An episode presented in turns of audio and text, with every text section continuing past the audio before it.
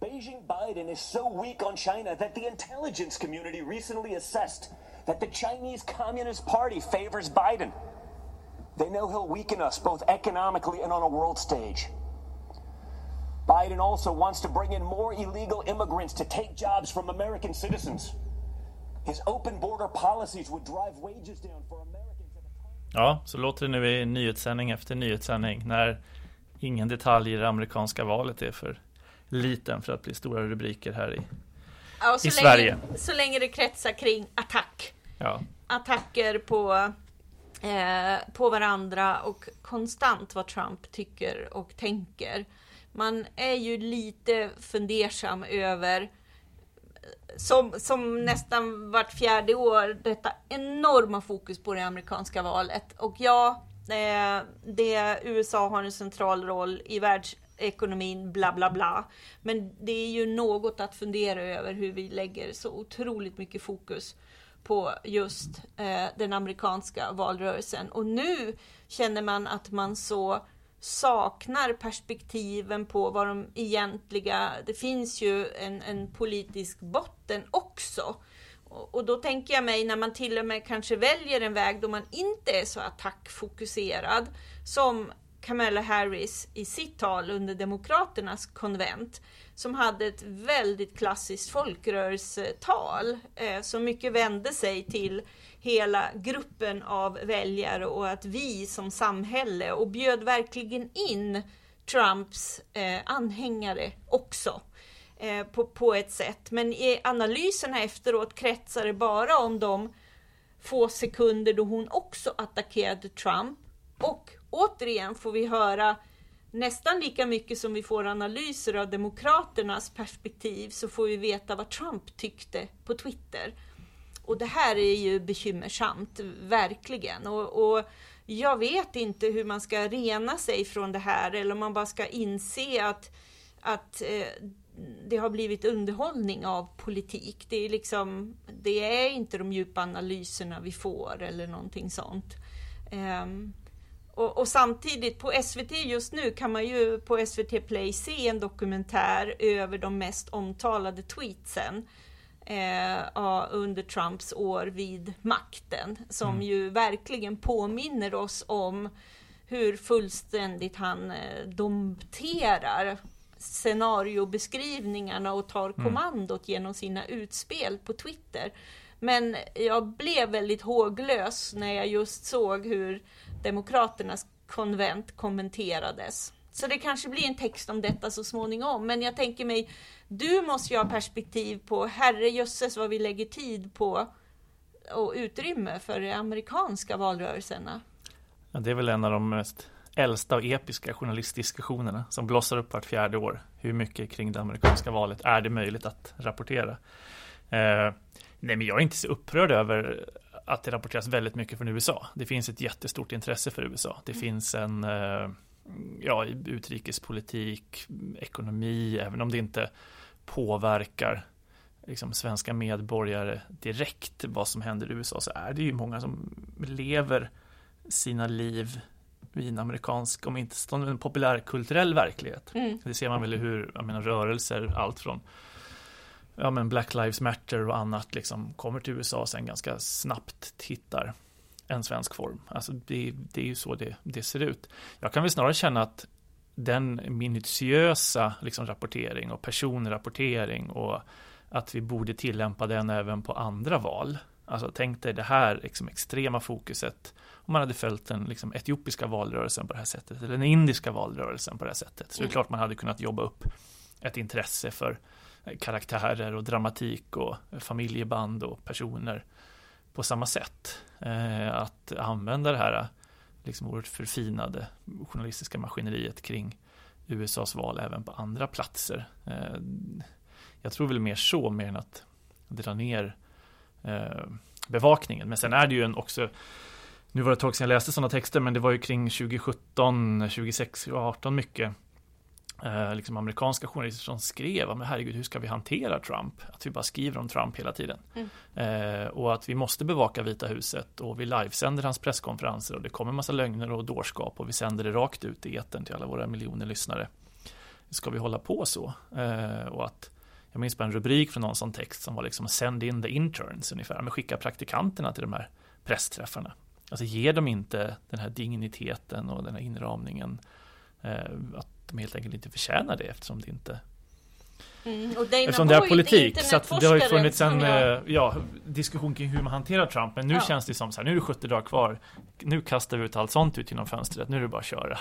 liksom, nu, nu ska det engageras. Eh, Nu jävlar blir det åka av liksom. Ja, Eh, men, men att det just eh, konstant fortfarande är så sjukt framgångsrikt att trolla.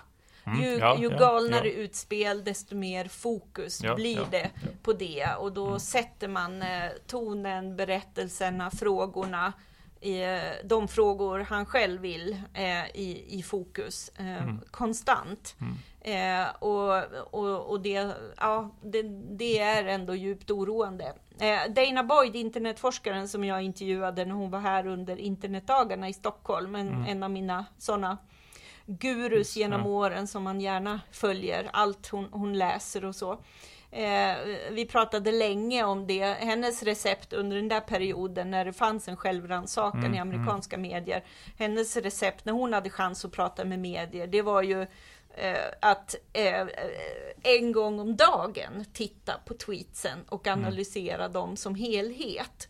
Och inte konstant krydda allt med de utspel som har kommit på, på Twitter. Och, och, jag, och jag kände starkt i, i den här svenska rapporten, jag minns när jag reagerade första gången i Aktuellt också i samband med eh, Clintons och Trumps valrörelse eh, eh, 2016 då, att eh, så fort någonting hade hänt i, i, i Clintons läger så var man även i en svensk kontext angelägen att lyfta upp hur det hade kommenterats av Trump på Twitter.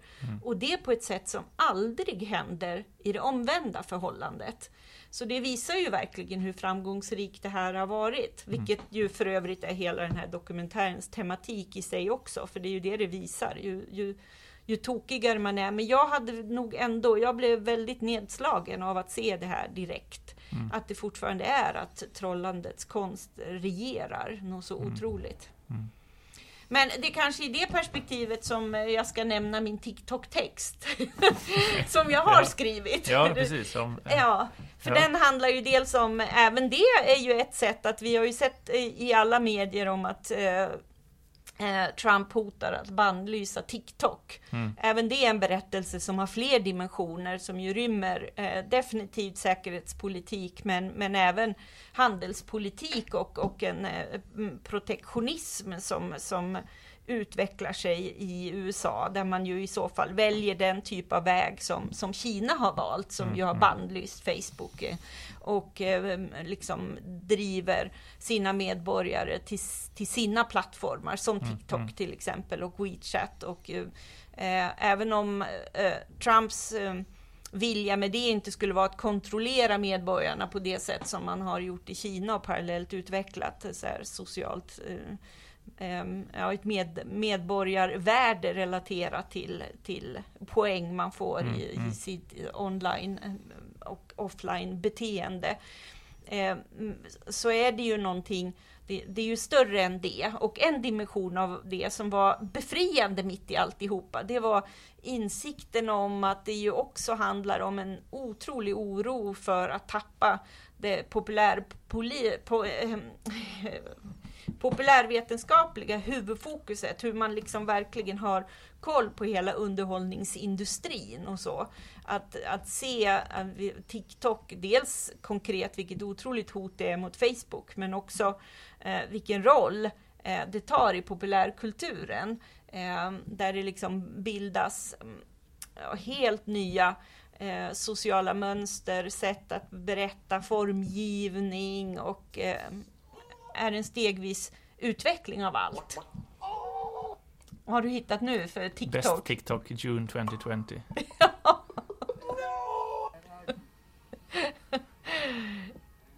Klassiska. Nu får du ju, det är en drönare som gör vad, den har jag missat. De flyger över en pool och Mm. matar folk med vindruvor. Ja, det här är eh, det här är the future. Det här är the future. Ja. Ja, ja. Eh, och det är intressant eh, att det är ju så mycket mer än liksom eh, läppsynkning och eh, små musikvideos och så.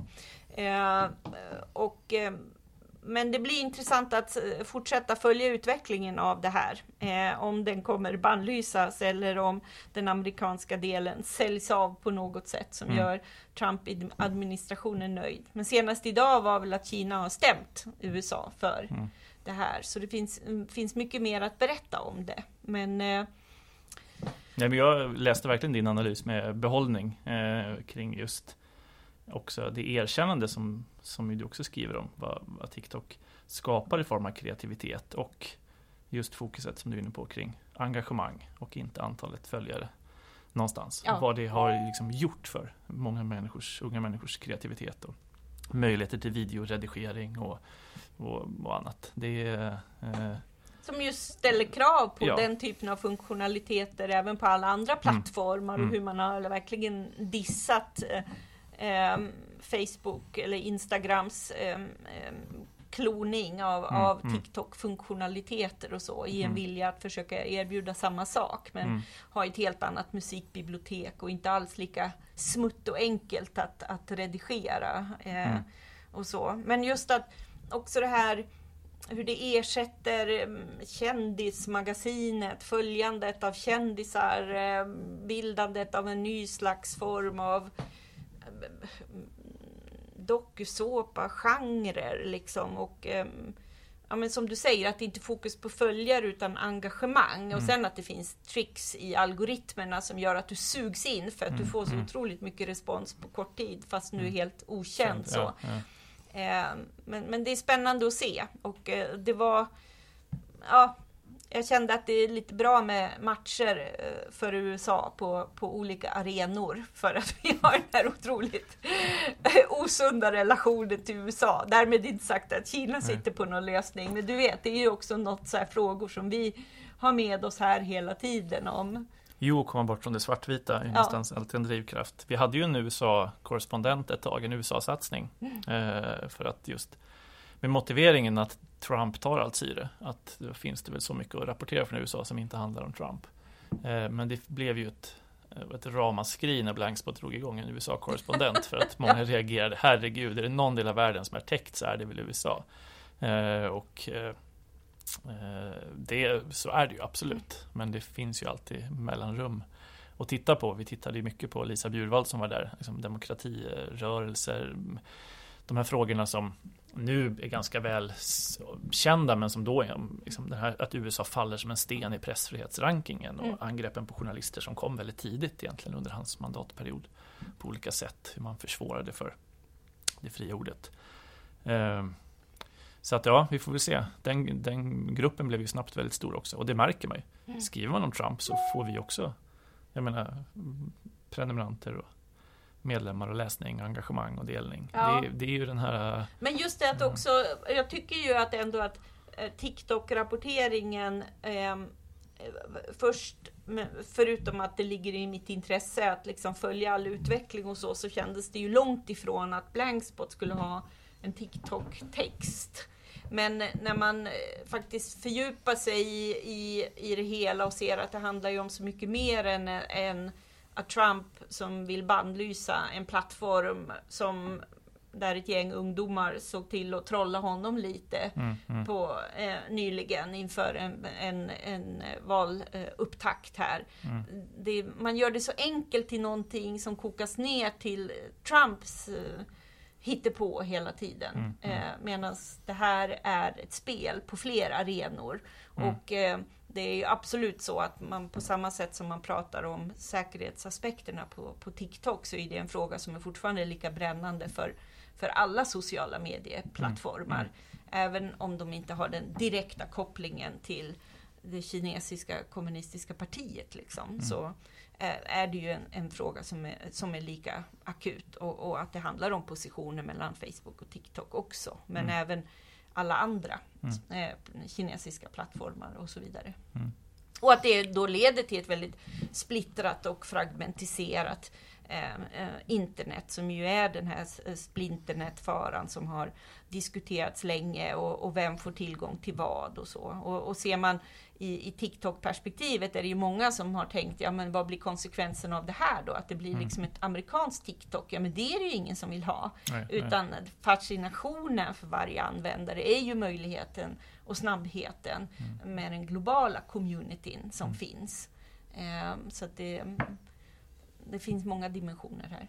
Mm, det är spännande. Du får fortsätta bevaka TikTok. Det Ja. är också något som uppskattas av läsarna. Och det är väl det man får våra nyhetsbrev så ska man väl också känna, jaha, det här var det här förväntade jag mig inte. Ja, en liten Eh, rolig grej ja. måste jag ju få säga som, Ja. som PR-konsult som dessutom har jobbat med Microsoft så måste jag nog säga att det pressmeddelande som Microsoft har skrivit officiellt i relation till att de har uttryckt intresse för att köpa TikTok och Mm. då är ju det detta som ska diskuteras fram till 15 september.